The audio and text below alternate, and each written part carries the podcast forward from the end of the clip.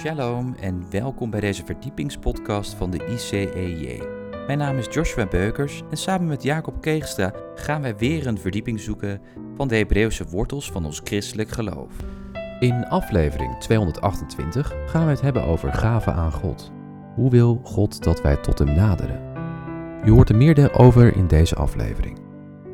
Wij wensen u veel luisterplezier.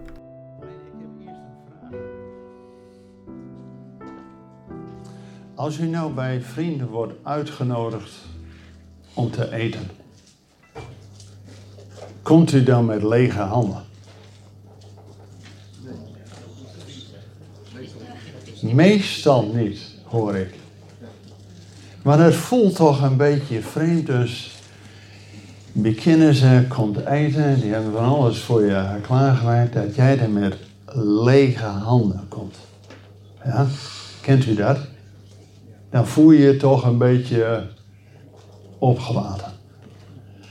Nou, we willen de lijn doortrekken als je nou bij God wordt uitgenodigd. En soms zelfs maaltijd bij de Heer mag hebben. Voel je je dan ook een beetje opgelaten als je niks bij je hebt? Nou, daar gaat vandaag de lezing over het heeft verschillende namen. In het Hebreeuws heet dat truma. Meestal vertaald met uh, hefoffer. Maar het kan ook gewijde gave zijn, een offer. En dat is een middel. Dat is geen doel op zich. Van je bent niet welkom als je geen offer mee hebt. Nee, het is een middel. Dan wil ik u toch nog even meer terug meenemen naar Exodus 25. Waar als eerste tekst staat: Toen sprak de Heer tot Mozes: Spreek tot de Israëlieten en zeg dat zij voor mij een hefoffer nemen. U moet het van iedereen, nu komt het, wiens hart hem gewillig maakt, een hefoffer nemen. En waarom dan? En dat staat in vers 8. En zij moeten voor mij een heiligdom maken, zodat ik in hun midden kan wonen.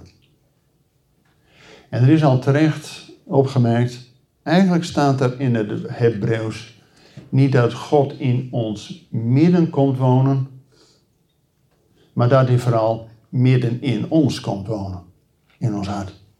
En daarom is ook dat wanneer je tot God gaat naderen, dat je niet met lege handen komt, maar een offer wat je vrijwillig wilt geven. Is al terecht opgemerkt, Israël was net uit Egypte bevrijd. Uit die slavernij, ze moesten van alles, steden bouwen voor een ander. En God gaat zijn volk in de vrijheid zetten. En nou komt in dit gedeelte, Exodus 25, ja, het loopt zelfs tot het eind van Exodus, hoofdstuk 40. Dus bijna een derde van heel Exodus gaat over die bouw van dat mobiele heiligdom. Tabernakel. En er wordt zelfs twee keer gezegd zodat je in ieder geval één keer hoort. En God wil iets daarin duidelijk maken. Iedere keer zie je een parallel tussen de schepping van God en dat God de mens, Adam en Eva, in een speciale plek, afgezonderd van de rest, een geheiligde plek, het paradijs stelt. En zoals God daar zeven keer zegt, het is goed, zegt hij nu, wanneer zijn volk is uitgetogen uit Egypte, dat zijn volk iets, een speciale plek voor de eeuwige mag maken. Dus er is steeds een parallel tussen het scheppingsverhaal uit Genesis 1 en 2 en de bouw van het heiligdom. En ook zeven keer zegt God tegen Mozes: Jij moet dat maken. Al die voorwerpen. Ik vind het trouwens heel bijzonder als er dan staat over zo'n brandofferaltaar. Dat die van hout is en bekleed met koper. Nou, daar was veel koper, want later waren zelfs de kopermijnen van Salomo in dat gebied. Dus koper was er wel. En hout kon ze ook nog vinden. Maar wat ik nou zo bijzonder vind, dat dat brandoffer, dat was ook een eeuwigdurend offer. Maar dat dat altaar nooit verbrandde. Weet je, hebben ze ontdekt bij de brandweer, dat als je nou een branddeur wilt maken, die gewoon het tijdje vol kan houden, weet je wel? Echt een branddeur. Dat die van hout moet zijn met koper beslagen. Hout neemt warmte op en koper geleidt het en voert het af. Jongens, Mozes moest dat maken, maar God had natuurlijk al lang door dat je het zo moest maken. Nou, we kunnen het allemaal zelf uitvinden, maar we kunnen ook gewoon ons houden aan de richtsnoer van de eeuwige. Er is één verschil. Dat als God zeven keer tegen Mozes zegt: Jij moet dit maken naar het voorbeeld wat ik jou gegeven heb. Trouwens, alles wat er hier op aarde is, is dus een afbeelding van het eeuwige. Zoals God Mozes de tabernakel in de hemel liet zien, moest Mozes een afbeelding maken. Een schaduw. Ja, dat is goed om mee te nemen. Komen we straks op terug. Er is één keer dat God niet zegt tegen Mozes: Jij moet dit maken. Maar één keer dat God zegt: Jullie moeten dit maken. En dan heeft God het over het laatste onderdeel om de hele tabernakel te vullen. Dat is met de ark. De ark waar ook die cherubs op zijn. Trouwens dezelfde naam in het Hebreeuws waar ook dat offer vandaan komt. Dus die engelen, die cherubs, hebben in het Hebreeuws alles met het offer te maken.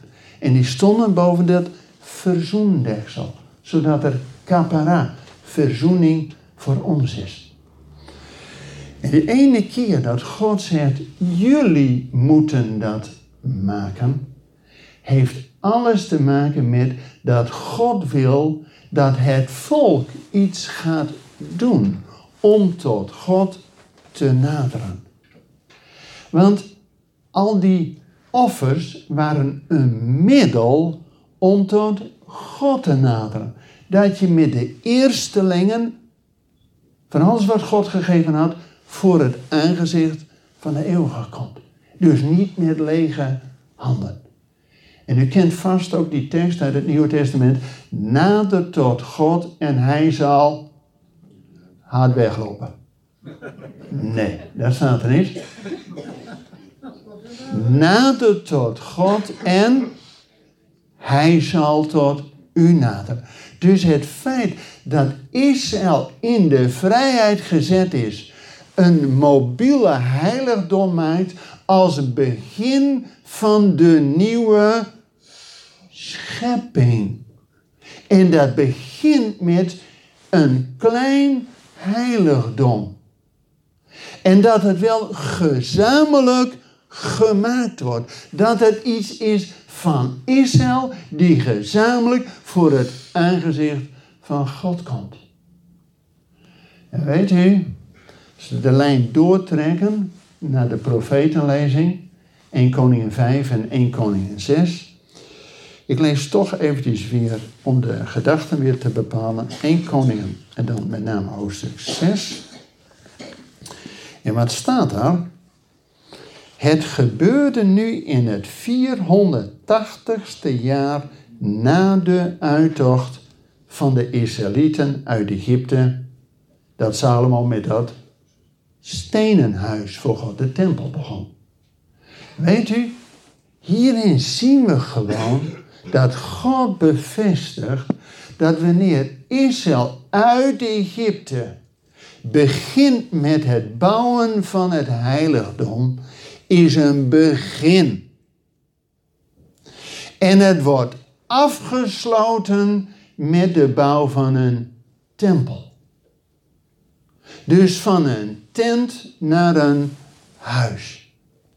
Alleen, en het werd ook al aangehaald bij de opening van de Torah. Bij de bouw van de tempel ging er iets mis. Israël was bevrijd uit Egypte van die slavernij, zodat ze in vrijheid God konden dienen. En ook in vrijheid God iets wilden geven. Maar bij de bouw van de tempel draaide het om. Toen ging Salomo het volk weer tot bijna slavernij terugbrengen. Ze moesten herendiensten doen. Ze moesten. Hij had 70.000 steenhouwers. Wow. En niet alleen voor het bouw van het huis van God, maar ook voor zijn eigen paleis en voor wie ik het wat. Jongens, dit was de oorzaak van dat uiteindelijk de tempel later verwoest werd. Omdat het niet uit vrijheid en met vrijwillige gaven gebouwd was. Het was bedoeld als complement, als sluitstuk van de bevrijding dat God zijn volk vanuit Egypte naar het beloofde land zou brengen. En dat huis waar de, en dat staat ook weer heel duidelijk, dan zal ik in uw midden wonen. Dus God wil wel. Alleen als de omstandigheden van de mensen ja, eerder weer tot slavernij is, dan kan God daar niet zijn zegen geven. Dat is wat. Uiteindelijk is die tempel dus verwoest, hè. En we weten allemaal, de vader van de gelovigen, Abraham, woonde in tenten. En verwachtte een stad.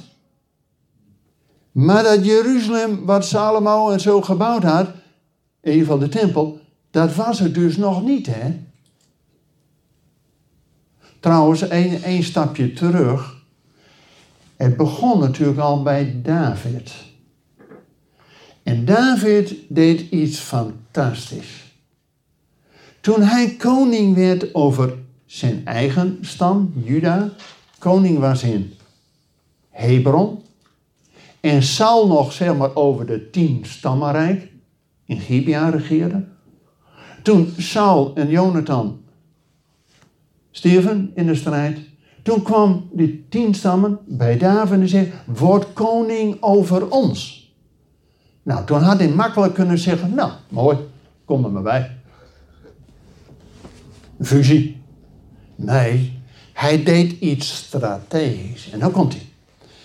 Hij had dus niet Hebron als hoofdstad of Gibea als hoofdstad. Nee, hij bouwde iets nieuws, zodat het volk samen iets ging bouwen. Eerst door Jeruzalem te veroveren, Jebus, en toen daar de stad te bouwen. En zijn hart was erop gericht om de Heer vrijwillig een offer, zelfs een huis te bouwen. Maar God zegt nee, want jij hebt door al die oorlogen te veel bloed aan jou handen. Maar die zoon van jou, die zoon van vrede, Salomo, die zal mij een huis bouwen. Dus David was al bezig om het volk samen die stad en uiteindelijk het liefst ook samen die tempel te laten bouwen. Alleen waarom ging het fout? Want Salomo trouwde met de dochter van de farao. En met weet ik er hoeveel nog meer. En die leidden zijn hart af van de Heer, zodat het volk uiteindelijk weer in die slavernij van de farao terugkwam. Het gaat allemaal over hoe naderen wij tot God. En ook in het nieuwe verbond, ook Yeshua waarschuwt ons heel uitdrukkelijk. Hè, en, Marcus 13, wat we gelezen hebben. Kijk uit voor de schriftgeleerde fariseeën die maar allerlei gepronk. Uiterlijk vertoon.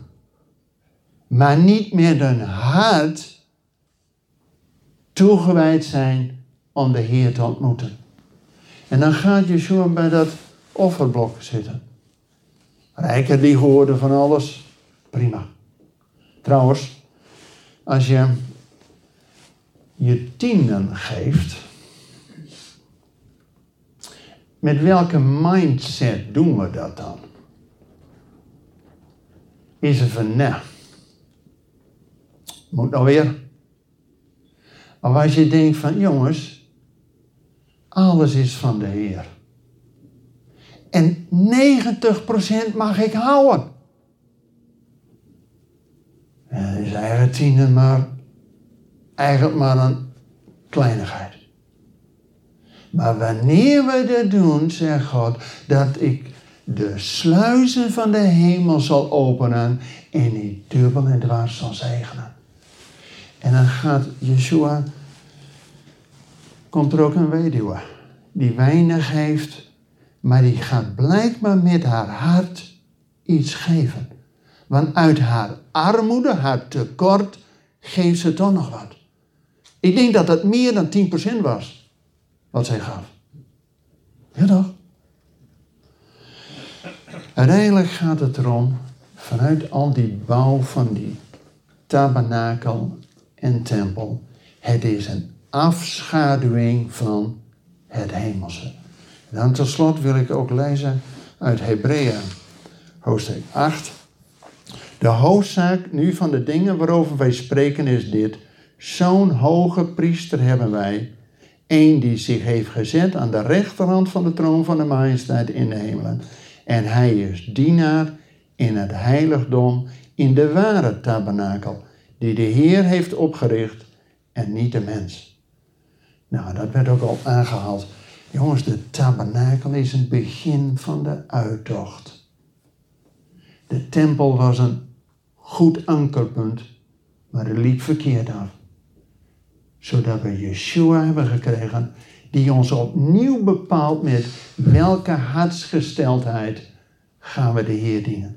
En uiteindelijk zien we uit naar het Jeruzalem dat vanuit de hemel neerdaalt. En dan hebben we geen tempel en tabernakel meer nodig, maar inderdaad de Heer en het lam zal het licht zijn.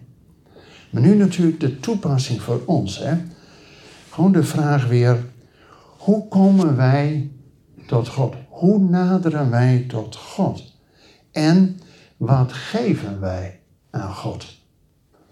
Nou weet u, tegenwoordig is soms geld het niet het belangrijkste. Tegenwoordig is vooral onze tijd belangrijk. En God is een God die op alle plaatsen aanbeden kan worden. Maar God heeft duidelijk tijden en vastgestelde tijden ingesteld om te naderen voor zijn aangezicht. En dat je niet met lege handen komt. Jongens, aan de ene kant zeg ik, kom nou maar gewoon met lege handen, want wij hebben niks bij God in te brengen. Weet u welk principe er in de Bijbel is? Het komt van God. Het eerste lied in de Bijbel, net na die uittocht, als ze net bevrijd zijn van die farao door de Schelzee, zingen ze het eerste lied in de Bijbel. En er staat, de Heer is mijn sterkte. En wat is dan je reactie? Aan hem zij onze zoon. Hij is mij tot Yeshua Dus wat is het allerbelangrijkste, ook in de eredienst? En weet u, al die voorwerpen die gemaakt werden in de tabernakel en later in de tempel. Wat hebben wij daar nou aan? Alles. Want de Romeinen 9 zegt, wij hebben van Israël niet alleen de verbonden in Gods woord, maar ook de eredienst. Het is een voorbeeld ook hoe wij kunnen naderen tot God. En de lofprijs is niet een voorafje van de preek. Nee, de lofprijs is juist waar het om draait. Dat door de lofprijs eert u mij. En wat gaat God dan doen? De weg banen zodat we Yeshua zien. Wil ik tot slot toch iets over die lofprijs zeggen. U kent vast Psalm 100. Psalm 100, daar staat, in het midden van uw Bijbel, daar staat, gaat zijn poorten binnen met een dankoffer. Staat in het Hebreeuws. Met een toda. Nou, een toda hoor je in Israël om een havenklap. Toda, toda rabba, dankjewel, noem maar op. He, dus toda is wat je veel hoort. Toda zeg je met je verstand. Dankjewel. En dat is dat je met je verstand kunt zeggen: Heer, dank wel. Ik was een zondaar, maar nu een kind van u. Dank u wel. En dat is dus niet afhankelijk van je emotie. Van, oh, vandaag voel ik me goed. Misschien ben ik wel een kind van God. En morgen voel je je een beetje uh, in de depri. Wow, het is helemaal niks meer. Weet je, er is ook nog een zo'n Abel die schalde die zegt, nou het wordt ook helemaal niks met jou. En voordat je weet, laat je jezelf in de put braken. Het mooie van het geloof is dat we met ons verstand kunnen zeggen, dankjewel Heer, ik was een zondaar, maar ben nu een kind van u. Ik ben met een Torah door de poort. En nou komt hij. Psalm 100. Dat je met een tehila, met een psalm, een loflied, de voorhoven binnengaat. En weet u, dat kun je alleen vanuit je hart. Dat je met je verstand zegt, Heer, dank wel, ik was een zonde, ik ben een kind van u. Maar dan wil je ook de Heer prijzen om wie Hij is. Niet om wat Hij gedaan heeft, maar gewoon uit vrije wil. Heer, ik wil u danken om wie u bent. En u kunt alle honderd namen van de eeuwige gebruiken. Dat is wat je vrijwillig wil doen. En nou komt hij. Wanneer Salomo de tempel heeft gebouwd. En dan bidt hij één gebed. Heer, als zelfs de hemel der hemel aan u niet kan bevatten, hoeveel te minder dit optrekt. Tuurlijk, we hebben zeven jaar eraan gewerkt. We hebben geld nog moeite gespaard. En het was allemaal goud wat er. Jongens, daar kon je buren mee naartoe nemen, hè? Maar hij kent zijn plek. Hij zegt, als de hemel der hemel u niet eens kan bevatten, hoeveel te minder dit. Nou, God beantwoordt dat gebed dat de Shekinah glorie rust op dat huis. Zodanig dat de priesters geen dienst meer konden doen vanwege de heerlijkheid van God. Daar hebben we om gezongen. De heerlijkheid van God daalt op. Jongens, de priesters konden geen, die gingen plat. Dat heet aanbidding. Weet u, u hebt misschien gehoord van die opwekking die nu in Asbury, daar in Kentucky, aan de gang is. Maar heel bijzonder. Nou, gewoon in een bijbelschool, in een campus, jongelui die komen daar om gewoon de Heer vrijwillig te loven en te prijzen. Niet omdat het moet, maar omdat ze het vrijwillig doen. En niet een stief kwartiertje, maar hele nachten. En God beantwoordt dat, dat zijn heerlijkheid daar is. Mensen helemaal geen vallen in de geest of weet ik even. Nee, heel in de rust. Door lofprijs eert mij, u mij en baan de weg dat ik u Yeshua wil laten zien. Daar gaan we toch voor. Ik zou graag straks willen dat we nog een aantal mooie lieden aan zingen. Jongen, de preek is hooguit een voorbereiding om in die lofprijzing te komen. Ja toch? Zullen we er eerst voor bidden? Mag ik u voorgaan in gebed? Vader in de hemel, dank u wel dat het openen van uw woord verspreid ligt. Heer, hebben we zo uw aanraking, uw heilige geest, uw Shekinah glorie in ons midden nodig. En dat uw geest in ons hart woont. Heer, dat we werkelijk kinderen van u zijn. Die u vrijwillig willen dienen. Dat ons hart op u gericht is. Heer, en daartoe vult u ons hart. Dank u, Heer, voor de samenkomst. Dank u voor elkaar. Heer, en dat u ook deze gemeente stellen tot een licht in deze regio. Vader, doet u dat.